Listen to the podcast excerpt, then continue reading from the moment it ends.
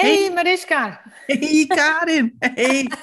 We zijn zo eager om met elkaar over business te praten dat, uh, dat we gewoon uh, al tegelijkertijd starten. Ja, precies. Hey, ja. let's talk business. Let's talk business. En volgens mij, uh, nou ja, volgens mij moeten we het gewoon nog, nog een keertje over Lenkioni hebben. Ja, we hadden nog een belofte in te vullen, hè? Ja, ja, ja. Naar, naar aanleiding van de vorige Let's Talk Business over Lenkioni bij Frustratie 5 hebben we het gehad over, over, over teams. Hè? Dus eigenlijk, zeg maar, als je frustratie 5 opgelost hebt, dan moet je alle eerdere frustraties ook aan de orde hebben gehad. Ja. Ja, en dan stuur je op teamresultaten. En dan had je het over van, ja, hoe, hoe kun je dit nou bereiken? En wat is nou de rol van de leider? En je moet altijd je teamdoelen en je teamresultaten centraal stellen. Ja. En toen dacht ik opeens van, ja, het is allemaal leuk en aardig, maar realiteit is dat we A, in de organisatie natuurlijk altijd te maken hebben met uh, dagelijks gedoe.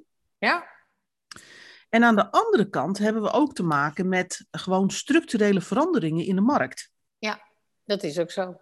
Want we leven uh, al, al lang niet meer in een hele voorspelbare wereld. We leven nee. steeds meer in wat we dan noemen de FUCA-wereld. Ja.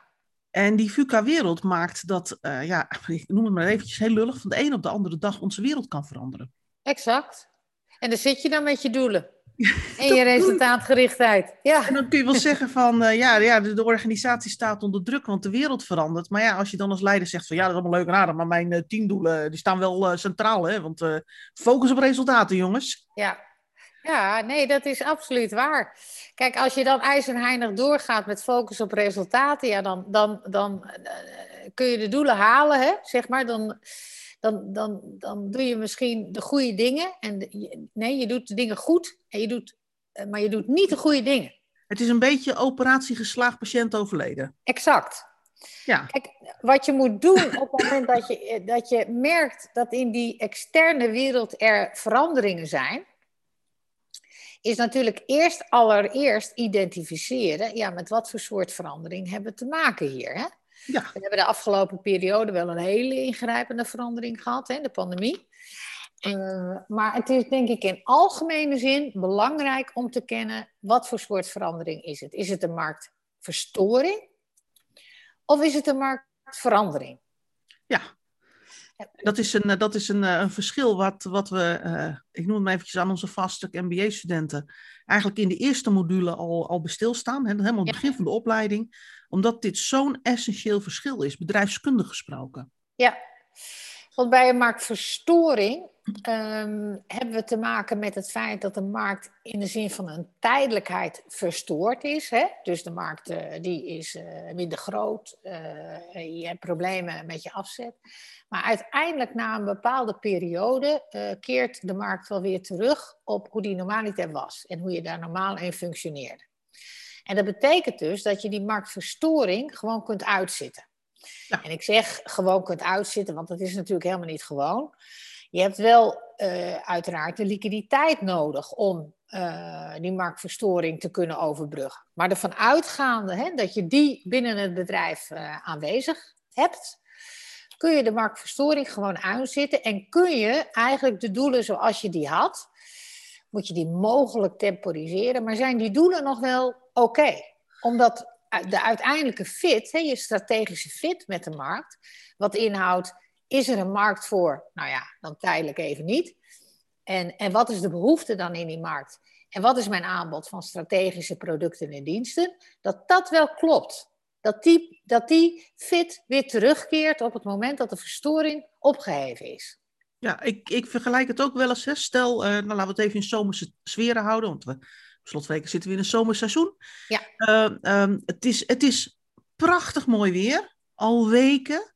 En daar heb je je business helemaal op klaargezet. Je hebt de deuren ja. open. Je hebt de, als je retailer bent, heb je je mannen met, met, met zut buiten staan. Als je uh, in de horeca zit, heb je je terras vol open. Als ja. je een kantoor hebt, dan zorg je dat er elke middag uh, een, een, bak met ijsjes rondgaat. Dus je hebt, uh, je hebt de ZTR wat harder. Uh, dus, dus je hebt zeg maar als organisatie, heb je rekening gehouden met het feit dat het een periode heel mooi weer is. Ja. En je hebt je, je, je, je proces erop ingericht. Ja. En dan opeens komt het KNMI met een uh, weersvoorspelling rood. Want er komt een plotselinge heftige onweersbui met storm. Die zo'n pak een beet 12, 14, 16 uur duurt, die komt opeens over Nederland razen. Ja.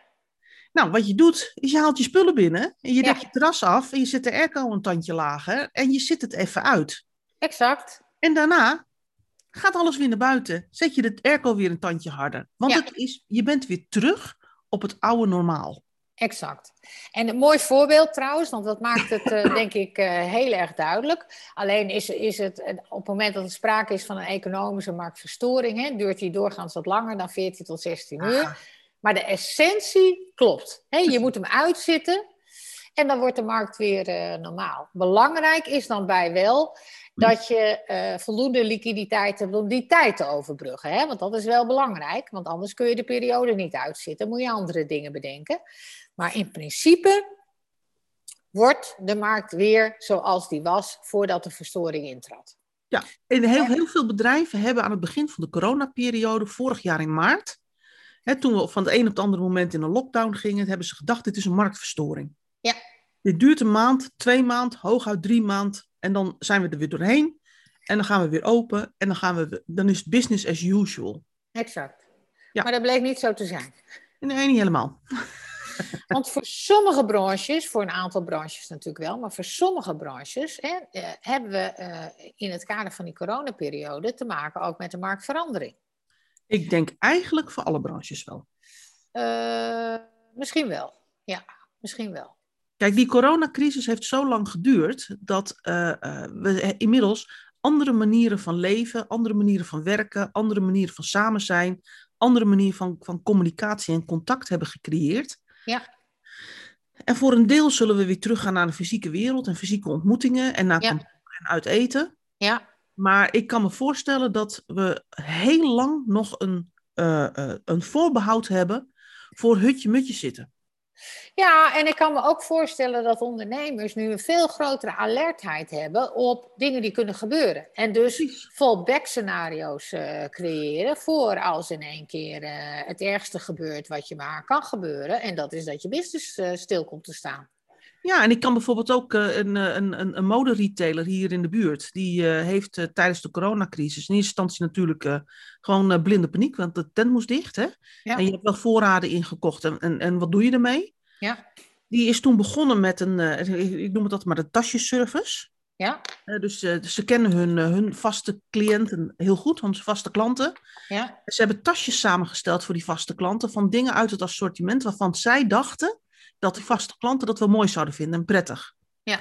En die hebben ze gewoon langsgebracht bij hun vaste klanten. Zeggen we, joh, weet je, pas het rustig. Eh 24 uur, 48 uur, maakt niet uit. Hè? Laat even weten. Wat vind je leuk en wil je houden? Wat vind je niet leuk en dat komen we weer ophalen. En voor datgene wat je houdt, sturen we je even een tikkie. Ja.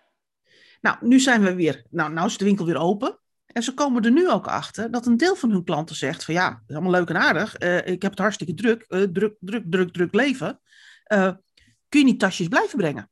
ja, En, en dit, dit heeft te maken met het feit dat corona niet alleen een marktverstoring is, maar ook een marktverandering. met zich meebrengt. Ja, ja mooi voorbeeld. Maar hoe, Nou ja. even, terug naar Lenkioni en naar, de- naar de, naar de teamresultaten. precies. Dus, ehm, maar ja, goed, op het moment dat je dan als doelstelling hebt, je moet zoveel jurken verkopen in je, in je, in je winkel. En dan gaat dat in een periode van corona helemaal niet op. Want die doelstelling, op het moment dat eh, de overheid zegt van ja, de winkels gaan dicht, die ga je never nooit niet halen. Nee, precies. Dus moeten er andere doelstellingen komen. Ja. Nou, en dat is, eh, eh, dat is het geval op het moment dat er iets in die externe wereld gebeurt, wat maakt dat je doelstellingen je doelstellingen eigenlijk niet zijn. En dat er dus eh, naar andere doelstellingen moet worden gekeken. Eh, wil je de organisatie verder helpen? Want uiteindelijk begint het daarmee. Hè? Eh, een strategische fit. Je formuleert meerjarendoelstellingen en op basis daarvan een jaardoelstelling, zodat de organisatie ook continuïteit krijgt. De teams hebben daar weer van afgeleide doelstellingen. En als die doelstellingen niet haalbaar zijn, of je strategische fit komt ter discussie te staan, omdat er zoiets geks gebeurt als een coronapandemie, ja, dan moet je dus een, als ondernemer niet alleen de tijd overleven, hè, door, door te kijken van ja, hoe kom ik aan liquiditeit en heb ik voldoende liquiditeit om die tijd te overbruggen en hoe lang is die tijd dan eigenlijk? Maar je moet ook kijken, hoe creëer ik een nieuwe strategische fit? En wat betekent dat dan voor mijn doelstellingen? Wat betekent dat dan voor de te realiseren doelstellingen? En dat kan dus betekenen dat in zo'n geval je te maken krijgt met binnen een jaar een andersoortige doelstelling. Ja. Ja, en uh, als het zoiets groots is als een coronapandemie, ja, dan zal iedereen dat op de werkvloer snappen. Daar is weinig uitleg voor nodig. Maar soms is het ook zo dat er uh, kleinere veranderingen plaatsvinden in die externe omgeving. Die maken uh, dat de koers weliswaar verlegd moet worden. Maar die kleinere omstandigheden die zijn niet zozeer zichtbaar voor de medewerkers op de werkvloer. Dan heb je als bestuur of als leiding of als leider, hoe je het ook wil noemen, wel de taak om dat goed uh, uit te leggen want anders gaan je medewerkers niet begrijpen, tenminste in algemene zin, waarom jij het roer in één keer omgooit. Want we hadden immers doelstellingen en die hadden we ook kunnen werken en die hadden ook kunnen werken en die hadden wij kunnen bereiken. En sterker nog, onze teambeloning is daaraan gerelateerd. En dan ga jij in één keer andere doelstellingen bedenken, die we weer met het team moeten bereiken. Maar we beginnen gewoon weer vanaf nul. En wie zegt mij dat je niet in één keer wat anders weer bedenkt gedurende een jaar? Ja, precies. Dus dit vergt, dit punt vergt echt uh, uh, bestuurlijk uh, goed zeilen aan de wind, om maar in, in scheepstermen te blijven. En, en ook dat de communicatie van de leider niet alleen betekent hè, dat hij het roer omgooit en de hele club overstag gaat en, en het team confronteert met nieuwe doelstellingen, maar ook dat hij uitlegt waarom het noodzakelijk is. Ja. En dat je bijvoorbeeld eventueel afrekent, een tussentijds evaluatiemoment neemt over in hoeverre waren jullie dan met die andere doelstellingen en die beoordeelt, hè, zodat de team effort recht wordt gedaan. En dat je vervolgens voor het tweede halfjaar dan weer nieuwe doelstellingen afspreekt met nieuwe beloningscriteria. En dan weliswaar voor team, hè? Ja, en helder. Ik bedoel, dat is, je, je moet uiteindelijk als organisatie ook meegaan met de ontwikkelingen in de markt. Want anders uh, ja, we maken heel veel, heel veel organisaties maken in november uh, al de doelstellingen voor het jaar daarna. Ja. Dat roep ik altijd maar dat ze anderhalf jaar vooruit zien. Nou, ja. de markt is niet anderhalf jaar stabiel. Nee, zo is het. Ik, en sterker ik heb... nog, hij wordt steeds korter stabiel. Ja, precies. Ik, ik, heb een, ik heb een voorbeeld voor je. En ik, ik, eh, ik wil je uitdagen om eens te kijken op, op, op hoeveel vlakken van Lenkioni dit nou, nou misgaat, zal ik maar zeggen. Oké, leuk. En, ja, het is, een, een, dit is een case uit de begintijd van de, van de Fast Track MBA. Ja. Uh, uh, we hadden een, een student en die ja. was senior account manager, of account manager voor, voor strategische klanten. Ja.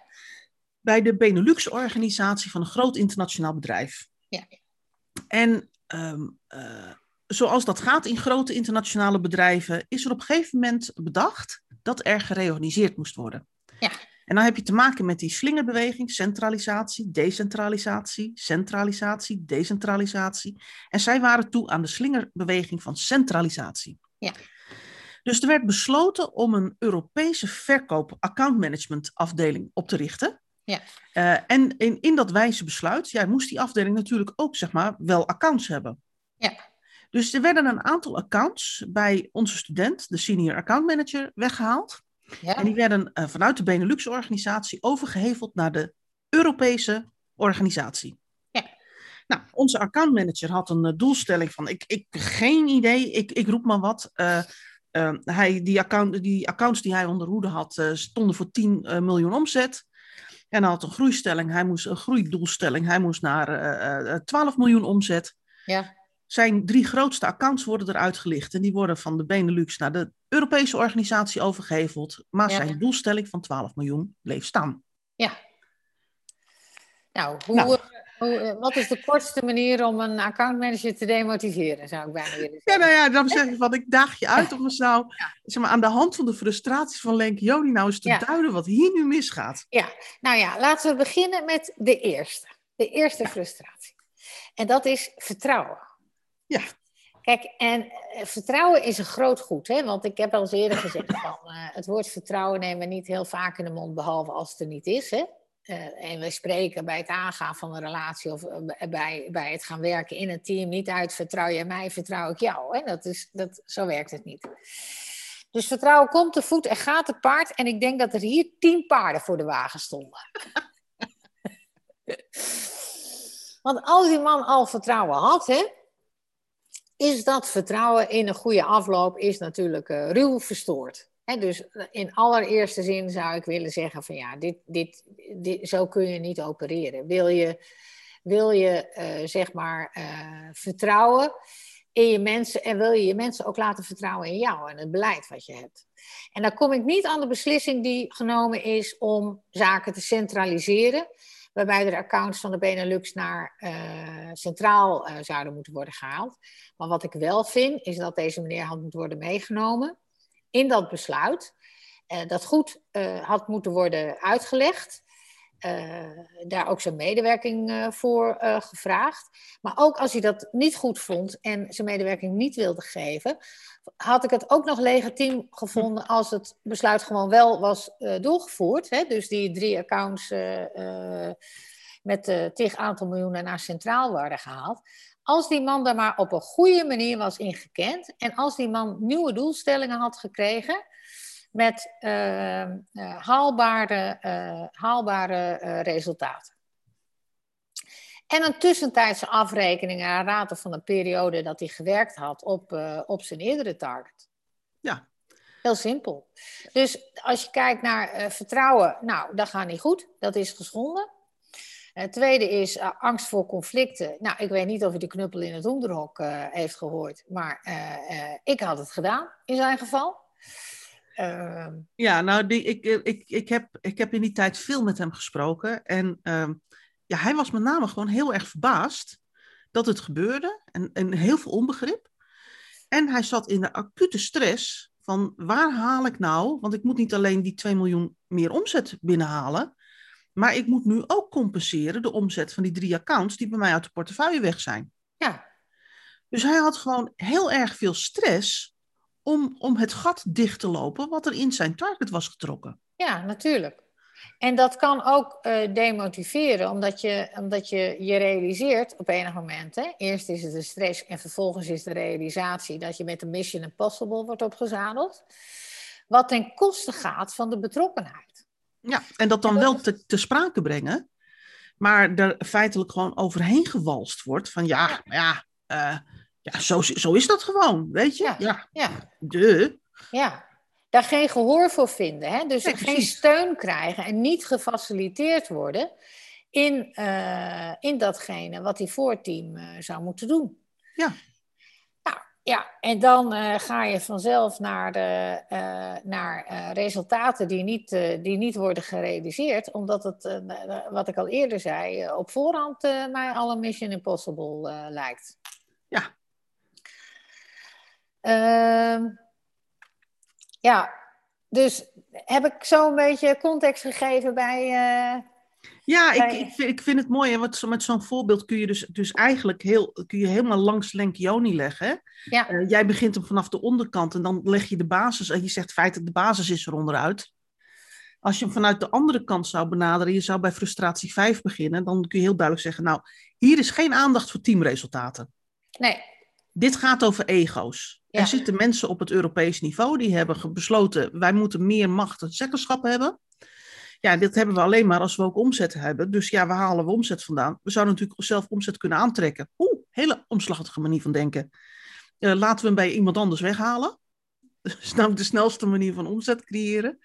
Maar dit gaat, dit gaat niet over, over groei, dit gaat alleen maar over administratieve verschuiving. Ja, nou dat, dat vertelt jouw verhaal niet. Hè? Voor hetzelfde geld is er een externe omstandigheid die maakt dat de strategie verlegd is en het verlengde daarvan deze uh, structuuraanpassingen plaatsvinden. Dat zou best kunnen. En van ja. daaruit zeg ik ook van dat is legitiem. Ja. De tweede opmerking die ik wil maken bij jouw verhaal is, let op hè, Lenkioni, Lenkioni die bouwt zijn frustraties als een piramide. Dus als het ene er niet is, de onderste, vertrouwen, kan er ook nooit aanwezigheid zijn van de angst voor conflict. Nee, die snap ik. Die, die snap ik. Maar ik, maar ik, ik dacht van, het is ook een mooi voorbeeld om gewoon eventjes langs te gaan van wat, waar zitten nou, als je nou kijkt naar die frustraties, Ja. waar zitten nou al die haakjes? Ja. Dus op het moment dat dit gebeurt, is, is het eh, eh, zichtbaar in frustratie 5, hè, bij Lencioni aan de top van de piramide, dat hier geen aandacht is voor team effort. Nee. Want als het gaat over team effort, dan maakt het niet uit of die omzet nou geboekt wordt bij een Benelux-team of bij het hoger gelegen Europese team. Want het Benelux-team is onderdeel van het Europese team. Ja, dus op centraal niveau, hè, als het, het totale team eh, realiseert hetzelfde resultaat. Ja, dus, dus het is een administratieve omboeking. Ja, klopt. En als het gaat over het team effort en het teamresultaat, is dit een actie die, die tot niets leidt. Nee, dat Want klopt. het team wordt er niet beter van. Nee, dat klopt. Dus gaat het niet over teamresultaat, het gaat over persoonlijk resultaat, ego en macht. Ja, uiteindelijk wel. Ja. Ik sla hem even gewoon even heel plat hoor. Nee, Ja. uiteindelijk wel. Hè? Maar de, de, eh, eh, het is wel goed om te vermelden dat het bedrijfskundig natuurlijk wel aanleiding kan zijn om die structuurwijziging toe te passen. Ja, En, en, en dan is het belangrijk dat je als leider ook eh, aandacht hebt voor de eh, implicaties die dat heeft mogelijk op de doelstellingen van teams. Ja, in dit geval ging het over een Amerikaanse moeder. En, en decentrale Europese teams die rechtstreeks werden aangestuurd door de, door de Amerikaanse moeder. Ja. Waarbij toch het cultuurverschil tussen Europa en Amerika minder zeg maar, aan orde kwam. Ja, precies. Nou. Dat verklaart veel. Dat verklaart veel. Ja, nou als we dan zeg maar even één stapje bij Lenkioli naar binnen gaan. Het gaat over ontlopen van verantwoordelijkheid. Mhm. dan is dat in deze cases ook heel goed zichtbaar. Want de verantwoordelijkheid waar, waar deze mensen, deze organisatie of de Europese organisatie voor staat, is, is bijdragen aan de resultaten van de organisatie in het geheel. Ja? En hier wordt een administratieve truc uitgehaald om die resultaten te herverdelen, Ja. zonder dat het daadwerkelijk iets wordt bijgedragen. Ja, en het interessante vind ik, Mariska, dat eh, dat vaak bij Amerikaanse ge- bedrijven gebeurt vanuit de gedachte: we zetten iedereen lekker op scherp, hè? En daarmee, we halen de 3 miljoen uit en er moet ook nog eens een keer 2 miljoen eh, extra bij eh, verdiend worden. Nou, dat gaat wel lukken. Terwijl volgens mij het gevolg is dat je mensen zo demotiveert en goede mensen de organisatie uitjaagt, dat je het, dat je het tegenovergestelde realiseert en oogst. Ja. Maar, dat, maar dat kan ook mijn Rijnlandse denken zijn. Dat ik daar eh, last, eh, dat ik last heb van een zeker paradigma. Maar volgens mij is dat, eh, is dat het gevolg. Ja, en, en dat zie je dus ook weer terug in frustratie 3. Hè? Als je nog iets verder in die, in die piramide van Lencioni eh, afdaalt, is dat door deze actie eh, eh, eh, er ook op decentraal niveau in deze organisatie heel weinig betrokkenheid meer is bij de koers die gevaren wordt. Precies. Niet door de Amerikaanse moeder, maar ook niet door het Europees, nieuwe Europese hoofdkantoor, wat er zeg maar, tussen gezet wordt. Nee, precies. Want er is geen duidelijkheid, want blijkbaar zijn de afspraken die we hadden gemaakt, zijn in één keer zomaar overboord gegooid. Ja. Terwijl de targets wel blijven. Ja. En, en het, het, het principe van steun, je gesteund voelen door de organisatie en gefaciliteerd voelen door je collega's, ja, dat verdwijnt natuurlijk ook in één keer. Ja, en ook het gevoel van zekerheid. Want zekerheid is met name ook gebaseerd op voorspelbaarheid. Ja. En, en, en, en, eh, en, en ieder vindt eh, acteren in een voorspelbare eh, organisatie plezierig. Of dat nou, en ook werken met een voorspelbare leider voorspierig, eh, plezierig. Hè, Ja. Dus of dat nou eh, boos eh, voorspelbaar is of aardig voorspelbaar. dat maakt niet uit. Maar dat voorspelbare, dat geeft mensen zekerheid. Hè? Dat je weet dat iemand in bepaalde omstandigheden op een dusdanige manier reageert. Die voorspelbaarheid, dat doet mij denken aan wat mijn man ooit een keertje aan mij zei. Ik was bezig met een rondje van, eh, nou, hoe zou jij mij willen beschrijven? En toen zei hij van, eh, nou, ik vind jou heel voorspelbaar. Nou, ik denk dat als ik nou iets in mijn leven niet gehoord heb, is dat ik voorspelbaar ben. Ik vind dat voor mezelf ook niet echt een asset. Ik denk namelijk dat mijn impulsiviteit en, en, en, en, en bouwkracht en schakelkracht, dat dat een van mijn sterke punten is. Jij begint ook al te lachen. Ja. Dus ik zei, nou ja, schat, dat moet je me even uitleggen. Hoe bedoel je, je bent heel voorspelbaar? Nou, zegt hij, dus eigenlijk kan ik je heel goed uitleggen. Elke keer als ik denk dat ik weet wat jij gaat doen, dan doe je wat anders. Ja. Heel voorspelbaar. Ja. ja, dat is ook zo. Maar dat maakt het wel fijn. Ja, maar dat, je daar enig moment gewoon een eh, patroon in denkt te herkennen. nou ja, precies. En het herkennen, dat, en dat vind ik het leuke dat jij zegt van dat voorspelbaarheid. Of dat nou gaat over boosheid of over, eh, over eh, ruzie zoeken. Of, ja. of, of je doet altijd wat anders dan ik dacht. Hè? Ja, ja. Het herkennen van het patroon, Ja. dat is de zekerheid die je feitelijk zoekt en die je nodig hebt om goed te kunnen functioneren. exact. Ja. En dat is wat medewerkers nodig zijn in een goed Ja. functionerende organisatie. Ja. Maar natuurlijk ook zekerheid, hè? dat je erop kunt vertrouwen, maar dat heeft dan weer met die onderste laag te maken, vertrouwen. Zekerheid dat je erop kunt vertrouwen dat de zaken blijven zoals ze blijven totdat er over gesproken wordt. Dat is ook een zekerheid. Ja, Hè, En het plotseling veranderen van jouw zekerheid, dat geeft gevoelens van niet gesteund voelen, eh, geen koers meer hebben, niet weten wat je moet doen. En dus een afnamende betrokkenheid en een afnemende focus op resultaten. ja precies. En, als we nou zeg maar, in Lenkioni nog even naar die tussenlaag gaan, hè, dat, dat, dat, dat, die angst voor conflicten. Nou, Ja. ik, ik had ook tegen hem gezegd, je, je moet dit gewoon bespreekbaar maken. Want het is natuurlijk niet een hele normale gang van zaken. Nee, Nou, dan loop je tegen, tegen die frustratie nummer twee van Lenkioni aan. Hij maakt het dan bespreekbaar.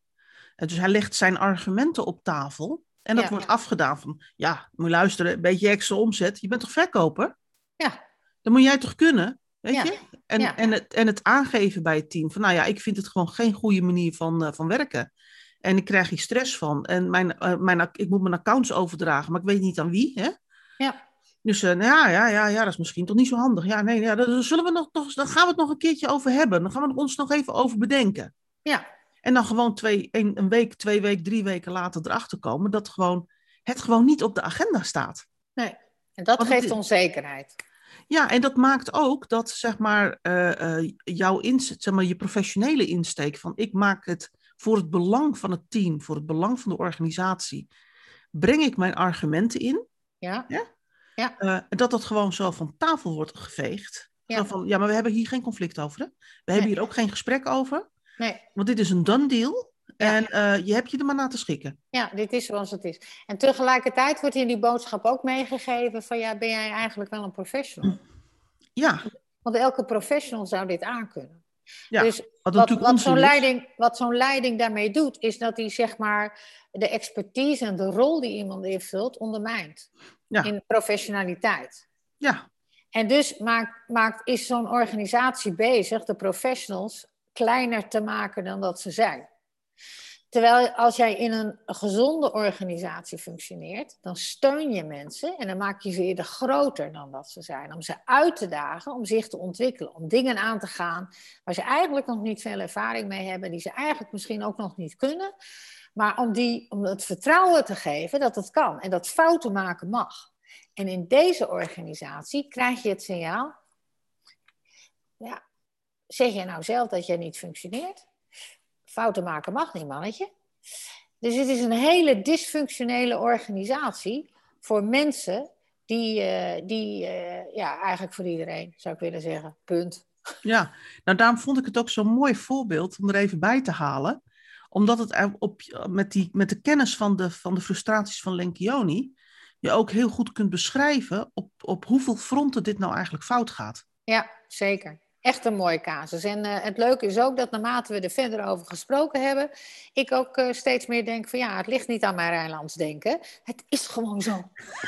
dat is een oordeel. Dat is absoluut een oordeel. Maar ja, weet je, soms, wij roepen altijd, je moet je oordeel uitstellen. Maar je kunt je oordeel niet tot in den treuren uitstellen. Op een gegeven moment moet je ook tot oordeelsvorming komen.